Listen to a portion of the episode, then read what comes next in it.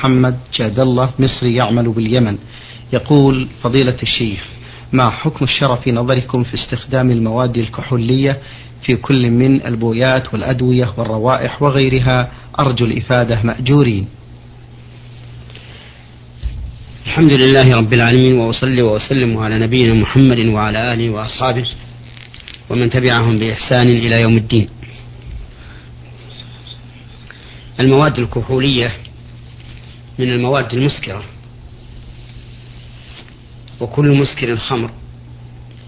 كما ثبت ذلك عن رسول الله صلى الله عليه وسلم. وكل خمر فإنه حرام. بالكتاب والسنة وإجماع الأمة. فلا يجوز شرب الخمر بأي حال من الأحوال إلا عند الضرورة. إذا كانت الضرورة تندفع به وذلك فيما لو غص بلقمة وليس عنده ما يدفع به هذا الغص إلا خمر يشربه ليدفع هذه اللقمة فإن ذلك جائز. لأن هذه ضرورة تندفع بتناول الخمر. والضرورة التي تندفع بتناول الحرام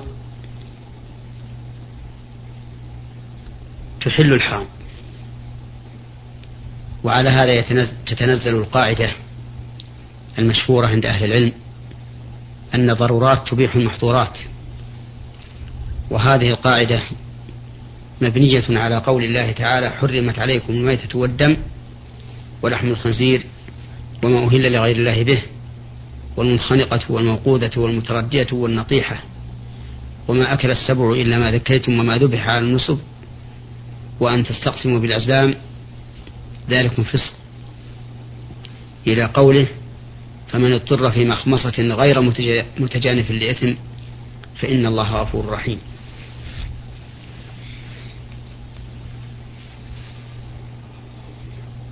ولكن هل الخمر نجسة أو ليست بنجسة؟ أكثر أهل العلم على أن الخمر نجسة. مستدلين بقوله تعالى يا أيها الذين آمنوا إنما الخمر والميسر والأنصاب والأزلام رجس من عمل الشيطان فاجتنبوه لعلكم تفلحون. ولكن ذهب بعض أهل العلم إلى أن الخمر طاهرة من حيث الطهارة الحسية. محتجا. بأن الخمر حين حرمت في المدينة استقبل الناس بها السكك والأسواق. فأراقوها فيها. ولو كانت نجسة لحرم إراقتها في الأسواق والسكك لأنها طرقات المسلمين. وطرقات المسلمين لا يجوز أن يلقى فيها أو يراق فيها شيء من النجاسات. كما قال النبي عليه الصلاة والسلام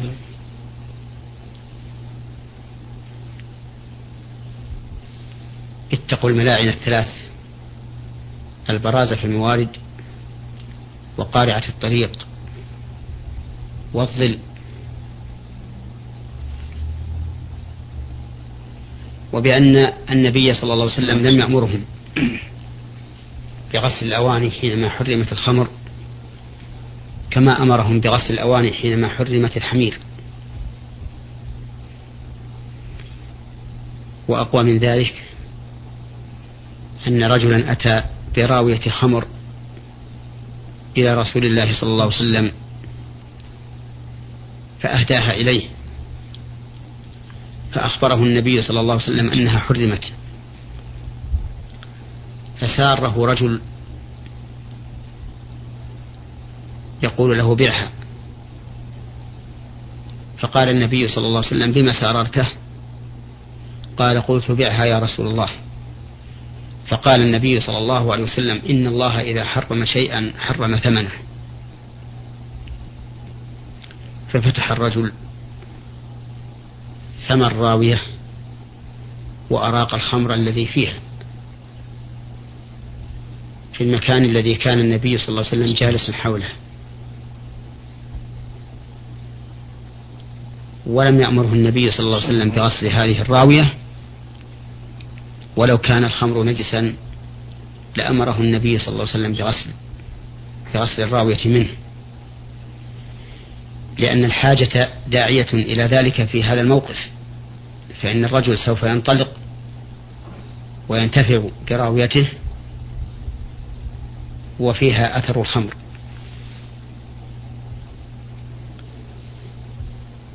وأما ما استدل به القائلون بالنجاسة فالجواب عنه سهل. فإن قول الله تعالى يا أيها الذين آمنوا إنما الخمر والميسر والأنصاب والأزلام رجس من عمل الشيطان يراد بها الرجس المعنوي العملي ولهذا قال رجس من عمل الشيطان. ويدل على أن هذا هو المراد أن الميسر والأنصاب والأزلام ليست نجاستها حسية بالاتفاق فما بالنا نقول إن كلمة رجس التي أخبر بها عن الأربعة الخمر والميسر والأنصاب والأزلام تكون رجسا حسيا باعتبار الخمر ورجسا معنويا باعتبار قريناته الثلاثة. هذا لا يمكن أن يقال به إلا بدليل صريح على أن الخمر نجس دليل منفصل عن هذه الآية حتى يمكن أن نقول إن كلمة رجس مشترك مستعمل في معنييه فباعتبار الخمر يكون المراد به النجس نجاسة حسية وباعتبار قريناته الثلاثة يكون المراد به النجس نجاسة. يكون المراد به النجس نجاسة معنوية.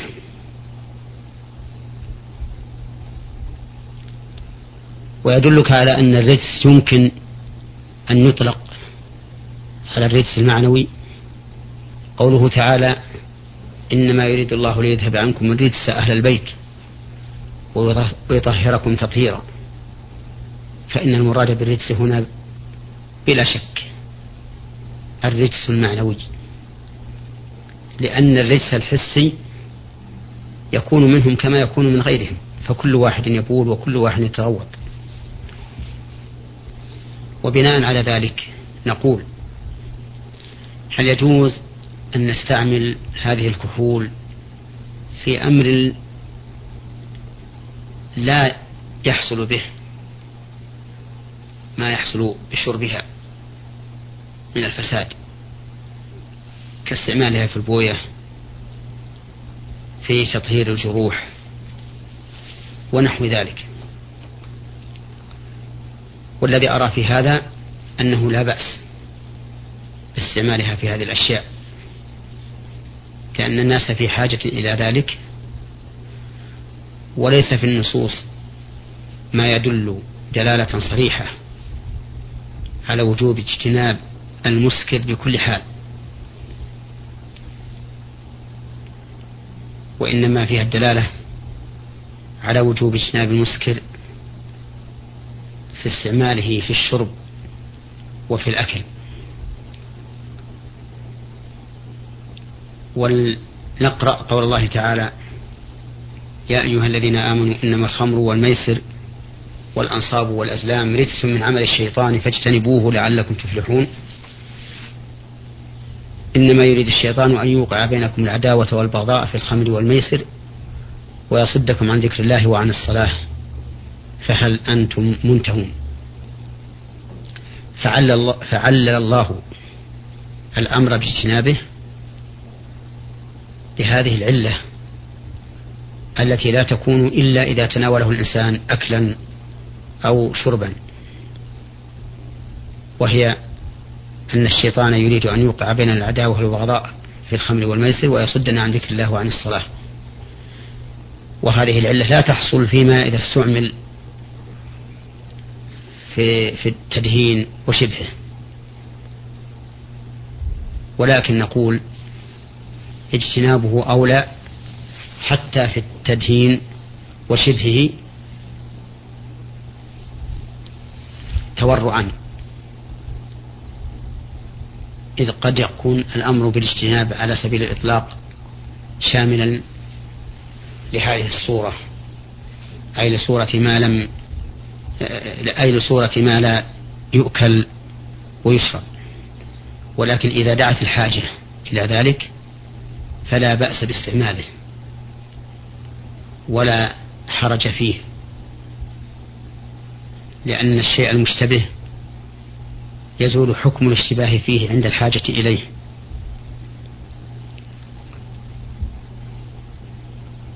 وخلاصة القول أن استعمال الكحول في الدهونات وشبهها ليس بحرام ولكن اجتنابه أولى. إلا إذا دعت الحاجة إليه. نعم.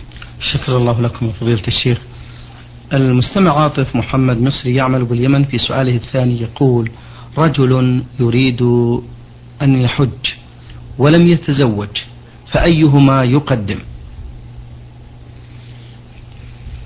يقدم النكاح إذا كان يخشى المشقة في تأخيره مثل أن يكون شابا شديد الشهوة ويخشى على نفسه المشقة فيما لو تأخر زواجه. فهنا يقدم النكاح على الحج. أما إذا كان عاديا ولا يشق عليه الصبر فإنه يقدم الحج. هذا إذا كان الحج فريضة. أما إذا كان الحج تطوعا فإنه يقدم النكاح بكل حال ما دام عنده شهوة وإن كان لا يشق عليه تأجيله. وذلك لأن النكاح مع الشهوة أفضل من نوافل العبادة كما صرح بذلك أهل العلم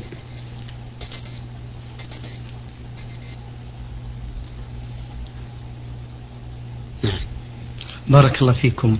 المستمع خالد سليمان الواصل يسأل ويقول ما هي شروط التوبة النصوح؟ التوبة النصوح من الذنوب واجبة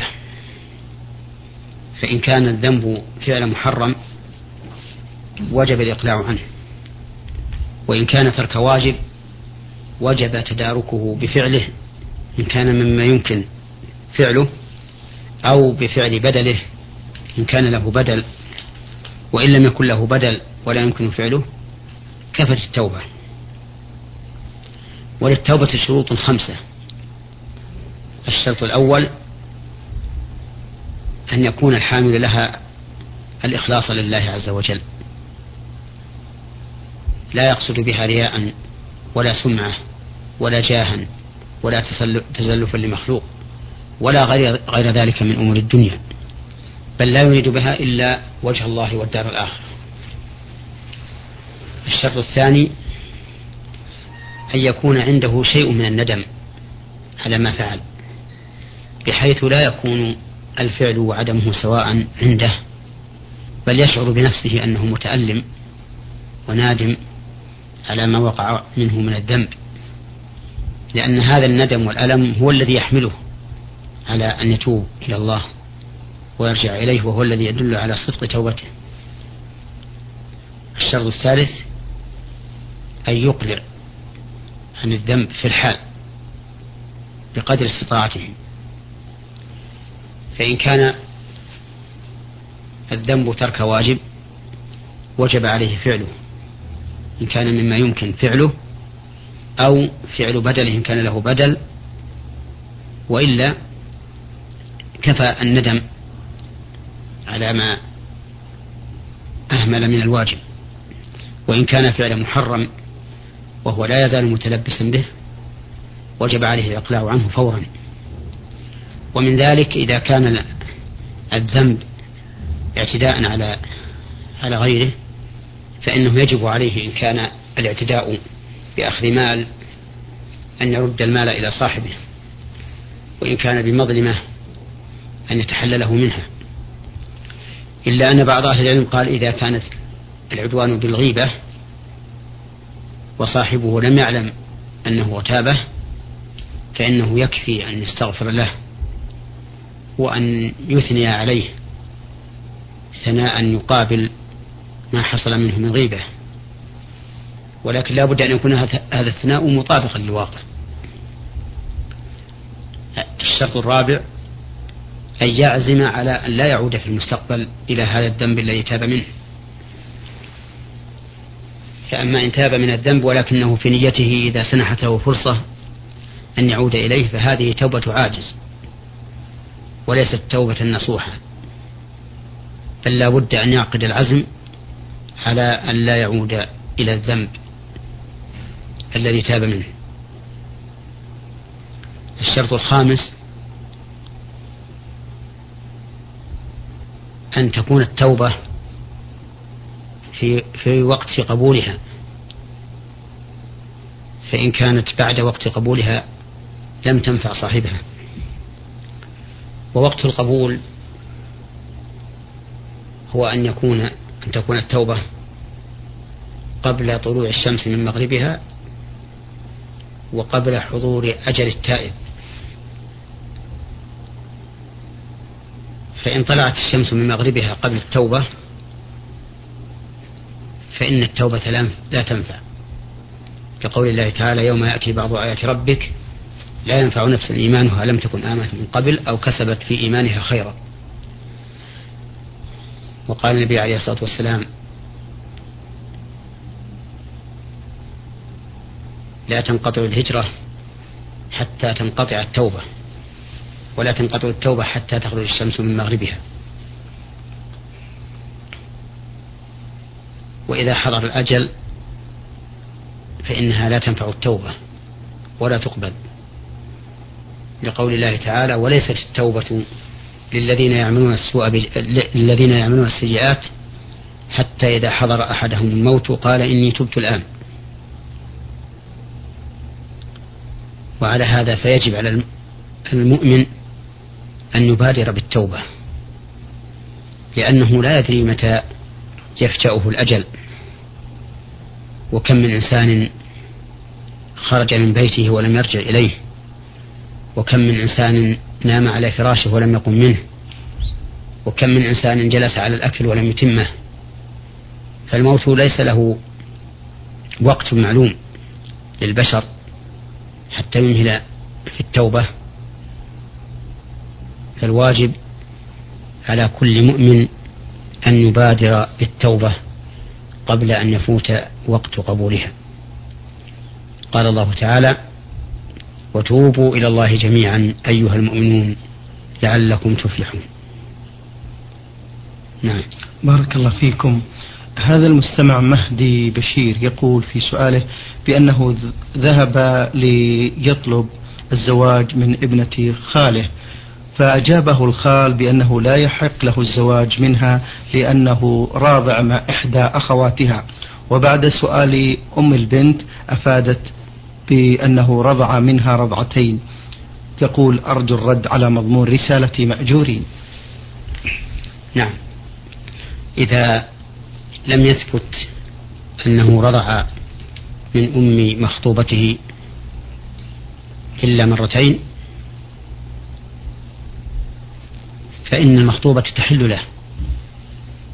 وذلك لأن الرضاع إذا كان دون خمس رضعات لم يؤثر شيئا. كما ثبت ذلك في صحيح مسلم.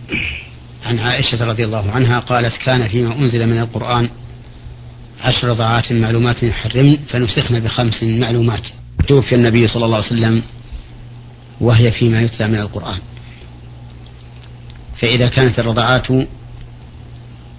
أدنى من الخمس فلا عبرة بها.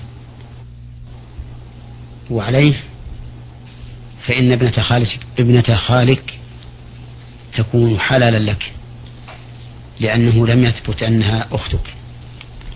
نعم. بارك الله فيكم. المستمعة من العراق رمزت لاسمها بكاف باء الجمهورية العراقية بغداد. تقول فضيلة الشيخ هل يجوز الرسم بالريشة لمناظر طبيعية مثل الجبال والأنهار والأشجار وهل يمكن تعليق صور النباتات أو المناظر الطبيعية في البيت أو الاحتفاظ بها؟ أفيتونا جزاكم الله خيرا. نعم يجوز للإنسان أن يرسم صور الشجر والبحار والأنهار والشمس والقمر والنجوم والجبال وغيرها. مما خلق الله عز وجل.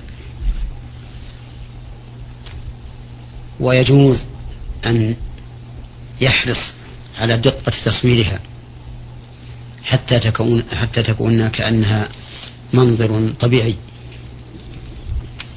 لكن بشرط أن لا يكون فيها صور ذات صور من ذوات الأرواح كالإنسان والبهائم. وذلك لأن تصوير الإنسان والبهائم محرم بل من كبائر الذنوب لأن النبي صلى الله عليه وسلم لعن المصورين وأخبر أن من صور صورة فإنه يجعل له بها نفس يعذب بها في جهنم. وقال صلى الله عليه وسلم أشد الناس عذابا يوم القيامة المصورون. الذين يظاهرون بخلق الله. وأخبر صلى الله عليه وسلم أنه يقال لهم تحديا وتعجيزا أحيوا ما خلقتم. فلا يجوز للإنسان أن يصور ما فيه الروح من بشر أو غيره سواء صورها مستقلة أو صورها داخل هذه المناظر التي ذكرها السائل. وهي من كبائر الذنوب. يعني التصوير لذوات الأرواح من كبائر الذنوب لأن النبي صلى الله عليه وسلم رتب عليه اللعنة. ومن فعل ذلك من ذلك شيئا فعليه أن يتوب إلى الله. وأن يمزق أو يحرق ما صوره. حتى لا يبوء بإثمه. وأما ما ليس فيه الروح فلا بأس به. لأن الأحاديث تومي إلى هذا. فإن فيها أنه يكلف أن ينفخ فيها الروح وليس بنافخ وهذا إشارة وإيماء إلى أن المحرم ما كان فيه روح. وإذا جاز أن يصور ما ليس فيه روح من الأشجار والأنهار والبحار والشمس والقمر والجبال والبيوت وما أشبهها جاز أن يعلقها على بيته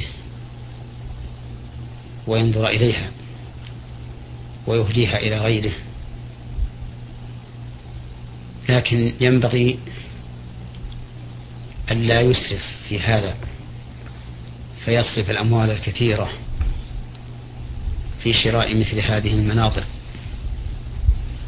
وتعليقها على الجدر أو إهدائها إلى الغيط.